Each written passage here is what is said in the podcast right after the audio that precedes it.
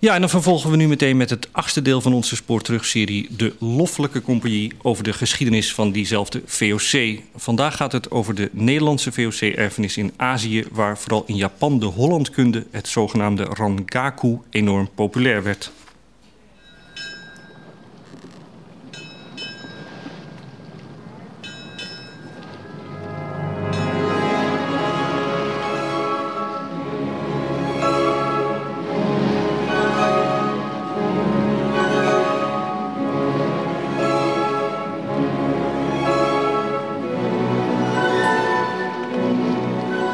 Loffelijke Compagnie. Holland in Azië.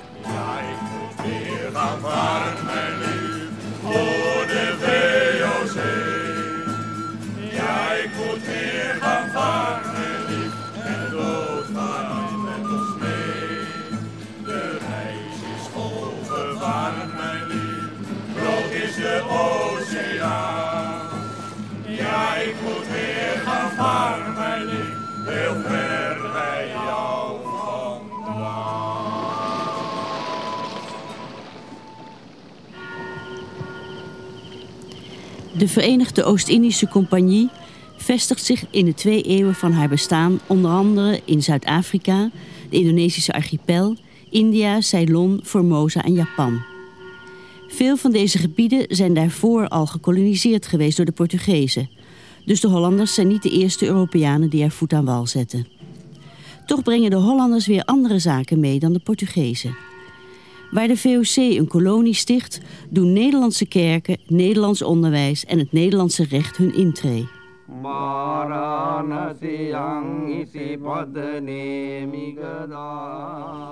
In Japan liggen de zaken anders dan in de rest van de factorijen. In 1639 isoleert de Japanse keizer, de shogun, het land van de buitenwereld en ruim twee eeuwen blijft het in dat isolement. Er is slechts één piepklein venstertje op de rest van de wereld. De Nederlandse handelsfactorij op het eilandje Deshima in de haven van Nagasaki, waar hooguit twintig Hollanders als een soort luxe gevangenen hun werk verrichten. Want afgezien van de jaarlijkse hofreis naar de shogun is het de Nederlanders verboden het eilandje te verlaten. In het gemeentemuseum van Nagasaki is het belang van de Hollandse aanwezigheid nog duidelijk zichtbaar. Ik loop hier door een enorme zaal van het gemeentemuseum van Nagasaki. En deze enorme zaal is voor meer dan de helft volgehangen en volgelegd met afbeeldingen en met voorwerpen die allemaal te maken hebben met de aanwezigheid van de Hollanders en dus de VOC in dit deel van Japan, op deze plek waar Japan niet helemaal was afgesloten van de wereld. Weegschalen waarop uh, ooit de goederen werden gewogen die de Hollanders meebrachten naar Nagasaki. Telramen waarop uh, werd afgeteld hoeveel stuks er meegenomen werden. Nou ja, schilderijen, pentekeningen, noem maar op. En niet te vergeten natuurlijk het aardewerk. We staan hier voor uh, een vitrine waarin een aantal boeken liggen. En die boeken hebben bepaald te maken met het Rangaku. Hè? Met het Rangaku-fenomeen. Dus uh, de studie van de, zeggen, van de westerse cultuur via het Nederlands.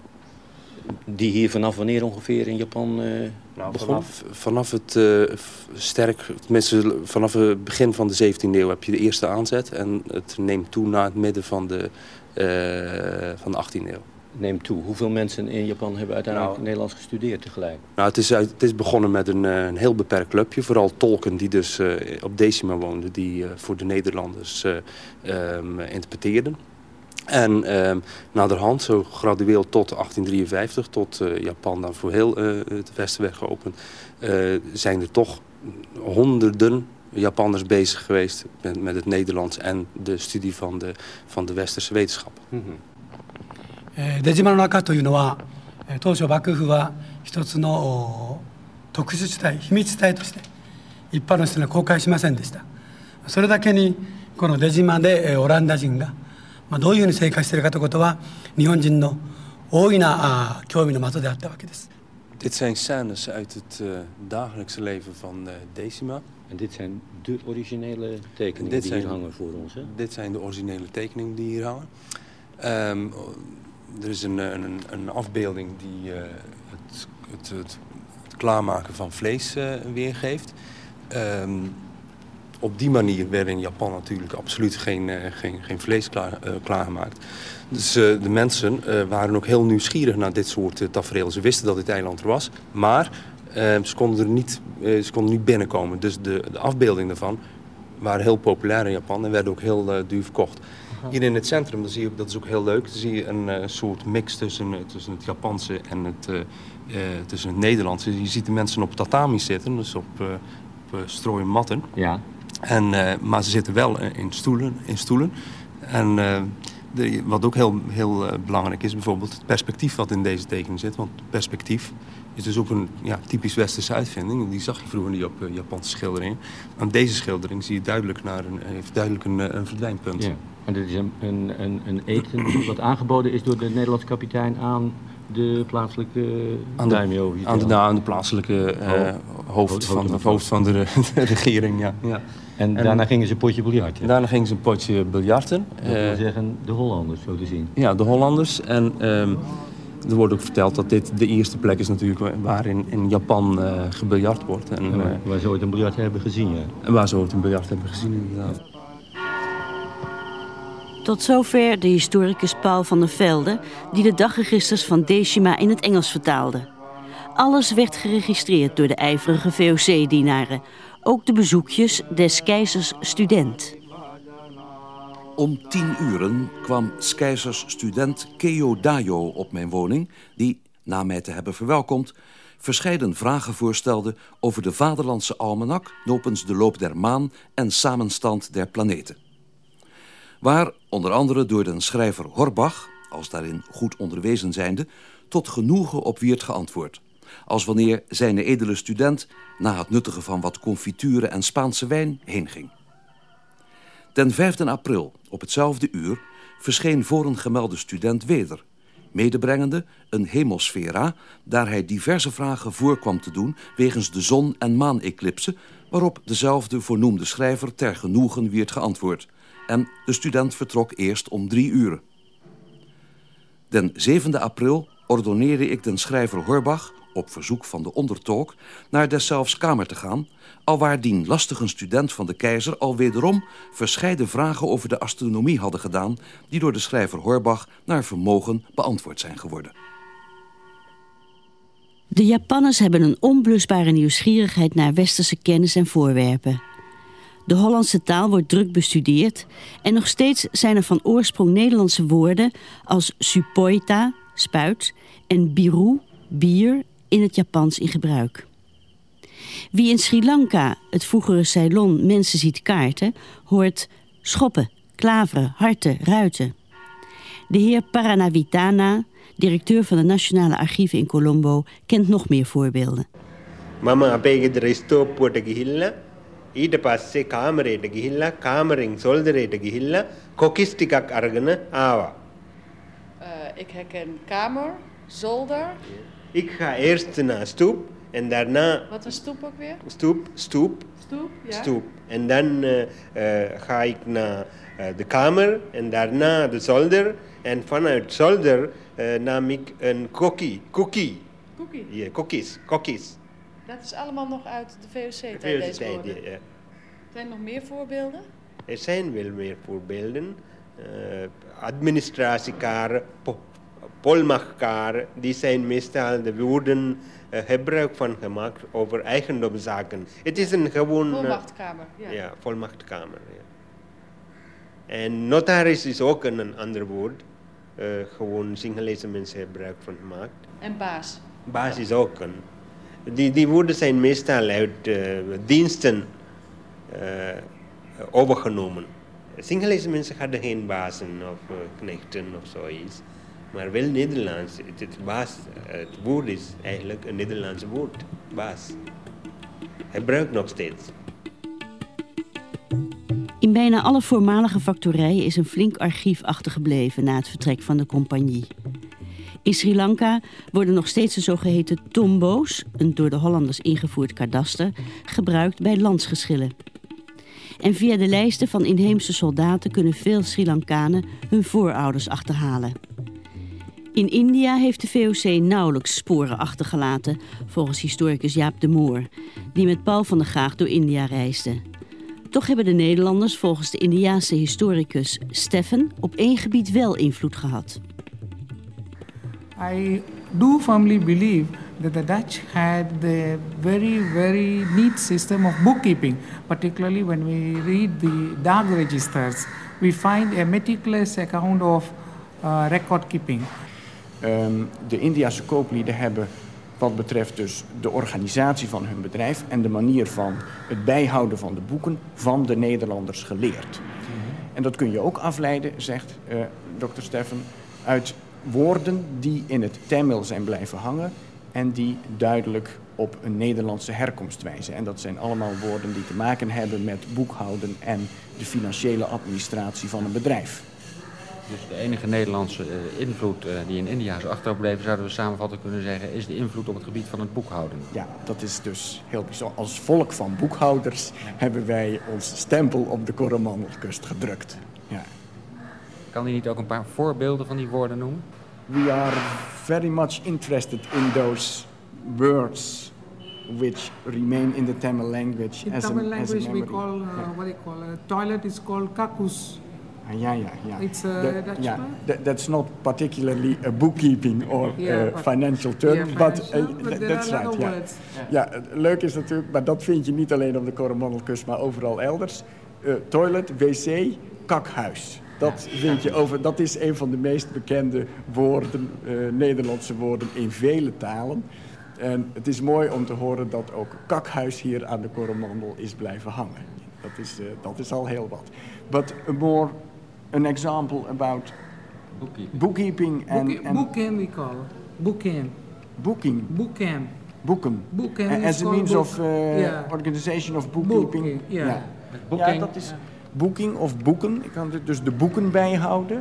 Dus dat is hier een term die nog boeken, dat is Boeken, een term die is dat is, blijven eh, voortleven. Dat is kennelijk de term die hier in het handelsverkeer of bij het boekhouden wordt gebruikt. Boeken, ja. Het beste voorbeeld van taalbeïnvloeding is ongetwijfeld het Zuid-Afrikaans. Zodra de VOC-koopmannen, maar ook de soldaten en matrozen van boord stapten, ontwikkelde zich een soort pidgintaal. Aldus taaldeskundige Roy Pfeiffer van de Universiteit van Kaapstad. De Nederlandse dialecten vermengden zich met de talen van de lokale bewoners, zoals de Khoikhoi, door de Nederlanders Hottentotten genoemd. We vroegen aan Roy Pfeiffer welke Nederlandse dialecten in het Afrikaans zijn terug te vinden. Men is erachter gekomen dat de Nederlanders die dus in de 17e en in de 18e eeuw hier naartoe kwamen, die spraken allemaal dialecten. En vaak zijn er verschillen met het Nederlands waar je aan zegt, hé, hoe komt dat? Dan moet je niet te gauw gaan denken aan creolisering of vreemde invloed. Dan moet je eerst naar de dialecten gaan. En iemand als Kloeke, een grote dialectoloog, die heeft daar een keer een studie van gemaakt om, te proberen om na te gaan welke dialecten van het Nederlands staan nu het dichtst bij het Afrikaans. Ja. En het is hem gelukt. Hij vond dat de dialecten van Zuid-Holland, Oh ja? die, hij zei nog weer Zuid-Zuid-Holland, maar dat is iets te nauw getrokken. Dat, is, dat, dat, dat, klopt. niet. Zeeuws misschien? Ja, een beetje, een beetje Zeeuws ook, maar dat niet helemaal. Maar we vonden dus dat de dialecten van Zuid-Holland waren de, degene, de dialecten waar het Afrikaans het meest op leek. Dan met Zeeuwse invloed, met Noord-Hollandse invloed en met wat Brabants erbij en Utrechts. Maar de, die dialecten kloppen vaak met het, met het Zuid-Afrikaanse uitspraak. Dus eh, in het begin hebben die kooi eh, eigenlijk meer het Nederlands overgenomen dan dat de Nederlanders klanken uit het eh, kooi hebben overgenomen. Want in het Afrikaans hoor je niet meer die, die klikklanken die je in de oorspronkelijke taal had. Die waren veel te moeilijk om over te nemen. De, t- en de t- de klanken waren erg moeilijk voor de, voor de blanken om over te nemen. En de kooi namen het Nederlands makkelijker, gemakkelijker over dan de blanken de kooitalen. In dit boekje kwam ik voorbeelden van Hottentots Hollands. Ja, dat is het boek eh, Afrikaans en zijn Europese verleden. En dat is toch... eh, dat is een, een merkwaardige taal. Het doet niet eens uh, Oud-Hollands aan. Dat is, dat is een voorbeeld van de pidgin waar ik het over had. Ja. Dat het dus zo vermengd is met, Nederla met Nederlandse woorden en kooi uitgangen... Ja. Dat, je, dat je het haast niet begrijpen kan. Kunt u het lezen? Ik zal het eens proberen. Kobus, ik jou, ja, ik heb me versproken. Ik zo lang zal bij u blijven tot jouw huizing de dubbeltjes betaald hebben. Ga ik hem een oorvijg geven, is dat bra? Wacht om als gij die dubbeltjes betaald hebben, ik ja strakjes voortlopen zo. Maar ja, als je dat zou vertalen, zou dat zijn in het Afrikaans, zoals Dr. Wright dat hier vertaalt. Kobus, ik heb jou beloven dat ik in jouw dienst zal blijven, tot jij verhuizing betaald hebt. Jij hebt mij een oorveeg gegeven. Is dit mooi? Wacht maar. Zodra je die geld betaald hebt, zal ik weglopen. Kerk, onderwijs en bestuur zijn de belangrijkste pijlers voor een sterke handelsfactorij. Daarom voeren de VOC-heren in de overzeese kolonies het Romeins-Hollandse rechtssysteem in. In principe wordt het familie- en privaatrecht van de staat Holland toegepast. In de factorijen verschijnen vele plakkaten die de zaken tot in detail regelen. Bijvoorbeeld dat bij een zuurzakboom minstens drie peperstekjes geplant dienen te worden. Of plakkaten die kerkbezoek verplicht stellen en bepalen dat ook de dochters de school moeten bezoeken. Voor het strafrecht geldt hetzelfde recht als aan boord van de schepen. Veel lijfstraffen dus. En waar het recht botst met het inheemse al aanwezige recht, wint, indien dat de handelsbelangen niet schaadt, het compagniesrecht. In de kelder van het Zuid-Afrikaanse staatsarchief in Kaapstad ligt in kamergrote kluizen het VOC-archief opgeborgen. Archivaris De Wet bladert door het VOC-vonnissenboek. Het zijn handgeschreven vonnissen van VOC-dienaren, maar ook van slaven en burgers aan wal.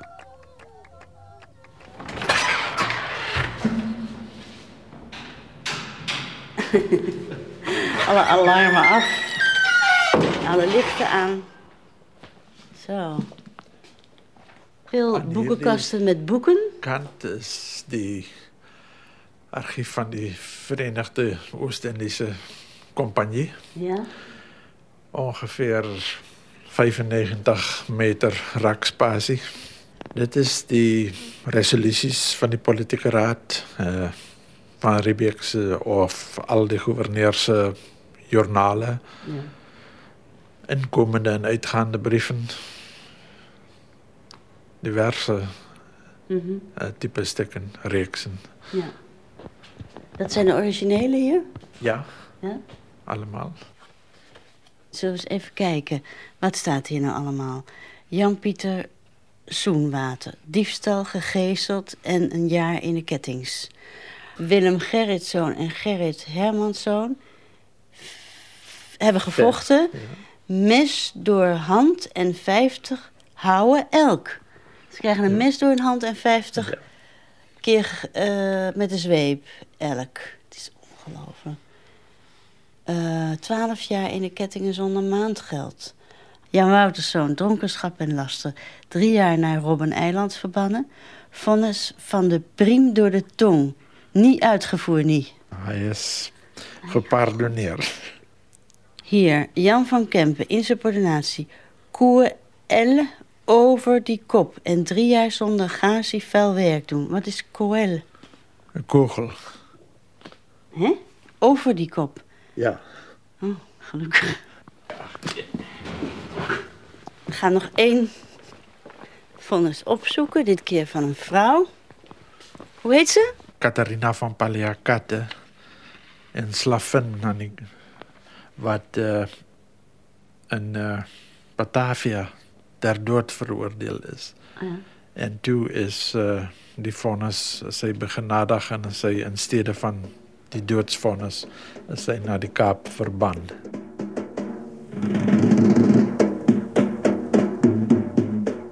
Alhoewel het criminele vonnis van den achtbare Raad van Justitie des Kasteels, waarbij zeker slavinnen genaamd Catharina van Malabar zekere compagniestalmeester geheten Klaas van Malabar in hevige woede met een keisteen werpende zodanig het nederste deel zijnes buik heeft getroffen, daar den dood den vierde dag daaraan opgevolgd zij, gecondemneerd is aan een paal ter dood geworgd te werden, wel in de terechte zij geveld, gelijk ten voorzijde delinquante nu gereed staat om de straffen des doods te ontvangen, zo is het nochtans dat wij considererende dat gezijde misdadigen de aangetogen doodslag meer bij ongeluk als opgezette boosheid begaan.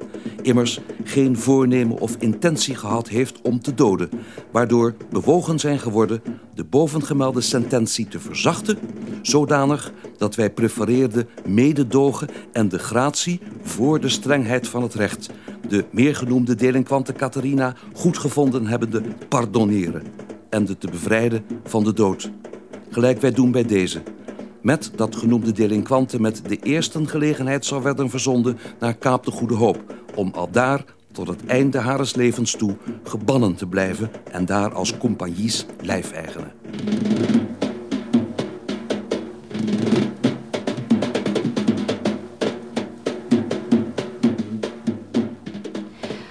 Ook techniek is een belangrijk exportartikel. Allereerst ten bate van de compagnie zelf. Maar als het zo uitkomt ook ten gunste van de zogenoemde landsmannen, de inheemse bevolking. Lodewijk Wagenaar schreef een dik boekwerk over de VOC-haven Galle op Sri Lanka, het voormalige Ceylon. Jacqueline Maris trok met hem langs een van de vele kanalen op Sri Lanka die nog uit de tijd van de VOC stammen. We hebben de landmeter Stevens met 3 à 4 koelies naar Hikkadoa gestuurd, als ook 2 à 3 inlanders die van de cultuur kennis hebben, om te bezien of mogelijk is kanaal te graven tot merkelijke dienst en nut voor de edele compagnie, als wel voor de landsman. U edele zou gemelden landmeter daarin ten eerste zo snel mogelijk moeten helpen. Ten noorden van Sri Lanka's hoofdstad, het oude Colombo, lopen we, we zijn 10 kilometer de stad uit, lopen we langs een kaarsrecht water. Kaarsrecht. Een echt kanaal. Hier naar links loopt het gewoon terug naar Colombo. Hier naar rechts gaat het naar Negombo, waar het in de zee uh, zal verdwijnen. En dit is nog uit de tijd van de VOC? Ja, dit is een uh, kanaal aangelegd uh, door de Nederlanders toen zij dit stuk van Sri Lanka bestuurden. En het is interessant omdat uh, altijd bekend is dat Nederlanders kanalen aanlegden. En dat hebben ze ook inderdaad gedaan omdat het, het achterland van Ngombo, Colombo en dergelijke kustplaatsen de materialen en de producten uh, leverden die ze in de steden nodig hadden. Dus pannenbakkerijen, steenbakkerijen, maar ook de, de kaneel bijvoorbeeld werd aangevoerd vanuit het binnenland. En ging dan met hele kleine vaartjes naar verzamelplaatsen langs dit kanaal en werd dan vervolgens afgevoerd naar de grotere pakhuizen. Het is ook een... Uh... Nog steeds, hè? want hier voor ons liggen een uh, stuk of zes mooi gekleurde bootjes, blauw en geel. Met ook uh, vaartbomen, want het is niet zo diep het kanaal. Maar wat, wat vervoeren die bootjes nu? Nou, deze boten die je hier ziet zijn vissersboten. En het aardige is dat dus deze vissers, dankzij het kanaal, verder het binnenland in kunnen wonen. En uh, zoetwatervis kunnen vissen in de lagune. En ze kunnen ook de zee op met, met deze boten om zoutwatervis te vangen. Dus de mensen, de mensen gebruiken nu nog steeds die erfenis van toen? Ja. Wacht Dit even, is een zijn soort veel meer... uh, visafslag, daar worden beesten kapot geslagen. Ja, je, moet- je moet je voorstellen dat eh, wegen eh, heel lang natuurlijk een, een uitzonderlijk iets zijn geweest. Eh, op Nu loopt er een weg langs inderdaad en aan de andere kant een zandpad. Er zijn allemaal huisjes langs het kanaal. Het is niet eens zo breed, hè? Het is niet breed. En een waterweg is natuurlijk heel goedkoop. Heel praktisch. En een zeer, ook in Europa, nog steeds ja, eigenlijk onderschatte manier om goederen te, te vervoeren. En als je ziet hoe hier de weinige wegen die er zijn totaal overbelast zijn met eh, vrachtauto's, gore, roet uitdampende vrachtauto's, kan je je voorstellen dat op de lange termijn veel mogelijkheden zijn om dit net eh, uit te breiden en iets eh, aan die wegen te ontlasten. En dat doen ze ook, want ze zien er keurig uit. Aan de zijkanten zijn de losse stenen met gaas bedekt op sommige plekken om het, de kant goed stabiel te houden. Dat, uh, na zoveel eeuwen. In die tijd uh, waren de, de inwoners verplicht om diensten te leveren aan de landheer. Dat was in dit geval de, de compagnie. Ja. En ze moesten per jaar 30 dagen werken. En je kan je wel ongeveer voorstellen wat het betekende om zo'n kanaal te graven of om het te on onderhouden. Dat was behoorlijk warm, maar op zich natuurlijk ook niet warmer of, of, of, of slechter werk dan uh, in de brandende zon op een rijstveld uh, staan. En dat moesten ze doen in ruil voor, uh, voor wat? Ja, ik word niet bijna van mijn sokken gereden. Dan kregen ze daar wel een maandportie rijst voor. De compagnie probeerde er altijd heel erg zuinig op te zijn. Ik ken een aantal archiefbronnen waar dan wordt gezegd van nou, die, die, die lui moeten maar, maar gratis werken, want het is toch in hun eigen belang. En waarom zou de, de compagnie dat moeten betalen? Ja, huh? dat deden ze met de hand, zo'n kanaal. En dat deden ze met de hand, met, uh, met, met, met speciaal soort schoppen. En uh, daar kwamen natuurlijk ook specialisten aan te pas. Want de compagnie had landmeters in dienst. En die, die meten dan dat soort kanalen uit en onderzochten ook waar ze dat het beste konden doen.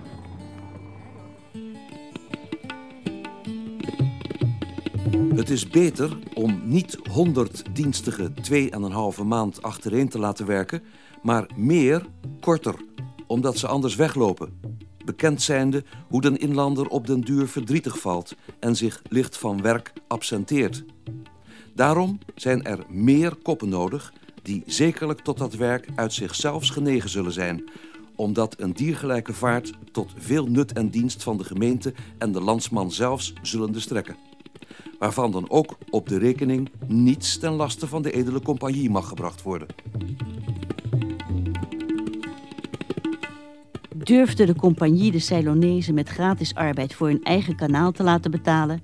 In Japan, waar de VOC als enige westerse mogelijkheid op een klein eilandje wordt getolereerd, proberen de VOC-machthebbers de keizer op allerlei wijze te lijmen.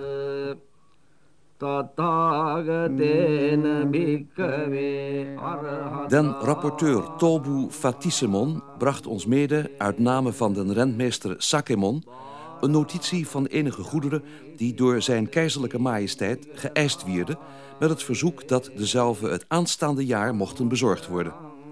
Te weten, een sterrenkijker, vier stuks wijfjespaarden, zes jachthonden, waarvan twee mannetjes en vier wijfjes. Benevens een Hollander die te paard zittende met een snaphaan doel kan schieten... zonder ooit te missen of van het paard te vallen. Doch indien zodanige man niet op Batavia te vinden was... dat men daar geen verder moeite om zouden doen. En, nog voor de rentmeester Sakemon, twee domme krachten.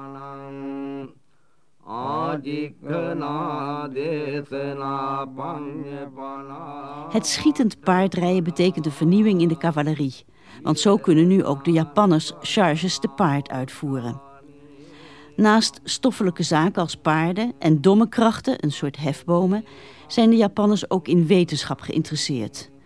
Zo vragen ze honderd uit over de astrologie en astronomie. En ook de weerkunde geniet grote interesse, want Japan en Taiwan, het voormalige Formosa, worden regelmatig getroffen door aardbevingen en tyfonen. Gebeurtenissen die nauwkeurig in de dagregisters van Decima zijn opgetekend. Historicus Paul van der Velde nam de afgelopen zes jaar 20.000 van de 35.000 bladzijden van deze bewaard gebleven dagregisters door. Hij vertaalde ze in het Engels en maakte ze zo toegankelijk voor de wetenschap. Kees Slager praat daarover met hem op een winderig plaatsje in Taipei. We staan hier, uh, we staan hier, we, we hangen tegen de wind van de tyfoon Fred in voor, voor het hotel hier op Taipei. Grand Hotel. Het Grand Hotel in Taipei. We zijn bijna niet te verstaan. Ik vrees het ergste voor het geluid, maar dit is een merkwaardige locatie om te beginnen over wetenschap.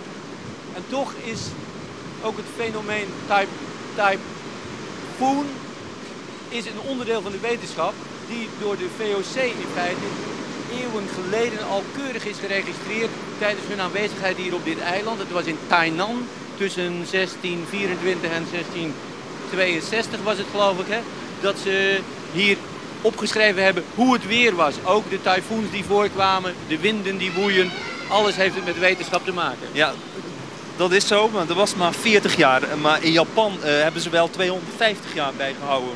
Uh, alles op het gebied, laten zeggen, van klimatologie, seismologie en astrologie, astronomie. Dat hebben ze in, op Decima gedaan? Op Decima. Nou, de wind neemt iets af. Er gaan allerlei mensen hier in bussen proberen te komen, schuilend in de regen. Maar het lijkt mij beter om over de wetenschap en de VOC toch verder te praten in die rustige lobby van het hotel. Zullen we dan naar binnen gaan? Nou, dan zitten we dus nu in de rustige lobby van het hotel. Alsof er helemaal geen tyfoon uh, hier om dit uh, geweldige pand waait. Ik zei al, uh, het is één deelgebied, het verhaal van de klimatologie vroeger in deze Oost-Aziatische streken.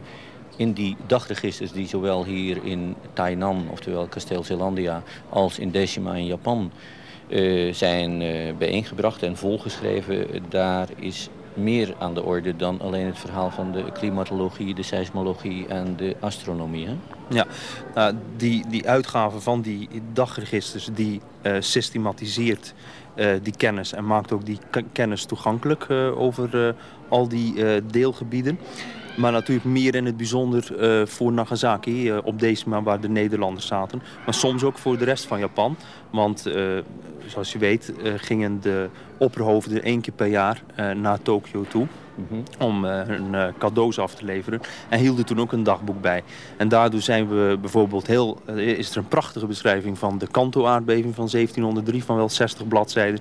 Maar zijn er ook over Nagasaki heel veel beschrijvingen van aardbevingen. Zoals bijvoorbeeld het jaar 1725, 1726 uh, heeft de aarde daar wel 100, 150 dagen continu gebeefd. Nou heb jij vooral de dagregisters uit de 18e eeuw bestudeerd. Jij kunt dus ook aangeven wat voor soort wetenschap er toen al overgedragen werd. Nou, die uh, wetenschapsoverdracht vond uh, vooral plaats door middel van de tolken, de Japanse tolken, die op Decima werkzaam waren. En enkele daarvan zijn in, in de loop van de 18e eeuw, ehm, hebben die voldoende kennis gekregen van, van het Nederlands om die kennis te kunnen overdragen.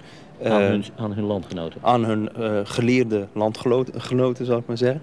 Nou, en er is inderdaad een indrukwekkend aantal gebieden. Bijvoorbeeld cartografie, Mhm. geografie, uh, wiskunde. Dat zijn allemaal wetenschappen. Maar kun, kun je nou ook concrete voorbeelden noemen van westers wetenschappelijk materiaal... dat uh, door de Hollanders hier in Japan is ingevoerd?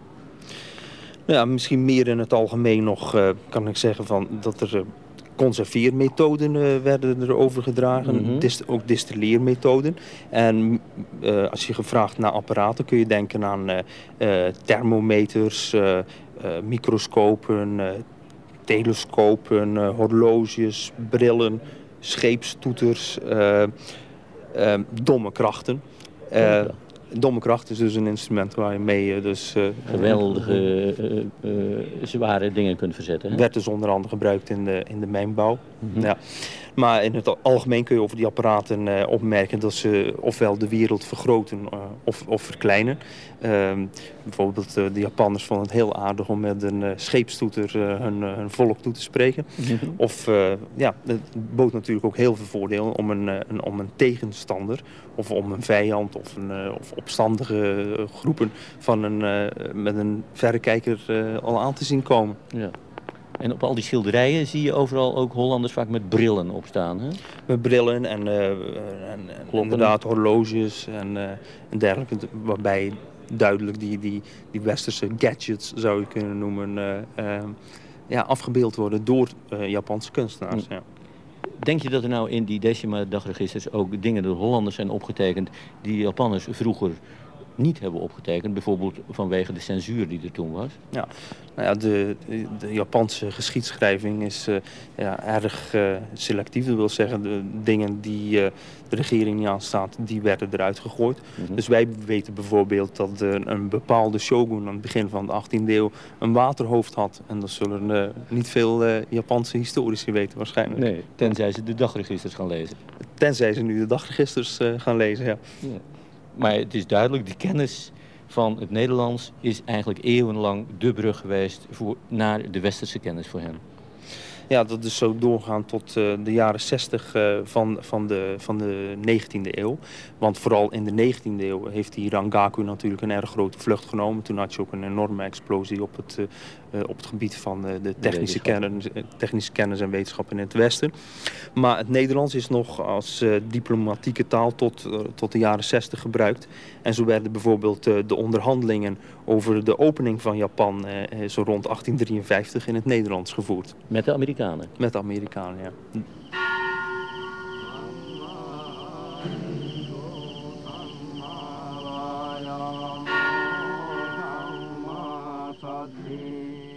Ondanks de culturele uitwisseling en de vaak welwillende houding van de lokale bevolking blijft er toch een grote kloof bestaan. Diep in hun hart vertrouwen de Hollanders die vreemdelingen niet. En andersom, wie zal het zeggen? Tot slot een fragment uit het Decima dagregister van 13 september 1726. Er zijn schilderijen uit Holland gearriveerd en de VOC-schrijver nodigt de Japanse tolken uit om ze te komen bezichtigen.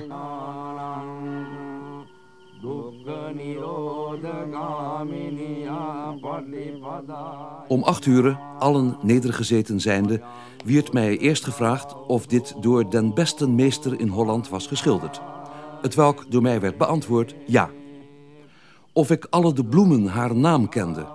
Antwoordde nee, alzo ik geen schilder ooit ben geweest. Zo vervolgens van alle de schilderijen honderden vragen mij voorgesteld. Heb ik een zoveel gezegd als mij best oordeelde dat zij weten moesten. En dat plezierige gezelschap der Japanders heb ik moeten dulden tot s'avonds vijf uren... wanneer zij eerst, zo het scheen vergenoegd, vertrokken. Doch het heeft mij wat glazen, bokalen, kalkies en andere glaswerken gekost... dat men hier wel gewend is, want zij zijn van nooit iets te brengen... maar wel mede te nemen grote liefhebbers. En men kan dit en al niets daartegen doen.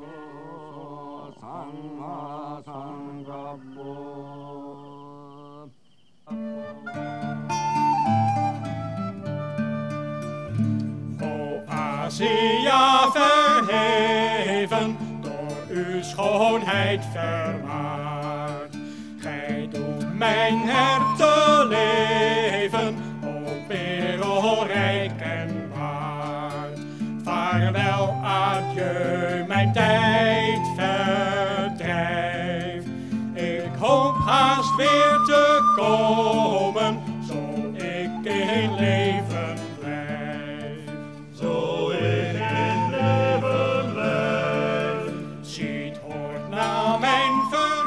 En dit was deel 8 van De Loffelijke Compagnie. En volgende week reizen we naar Japan, waar de compagnies die naar een geïsoleerd op Deshima hun dagen sleten als luxe gevangenen.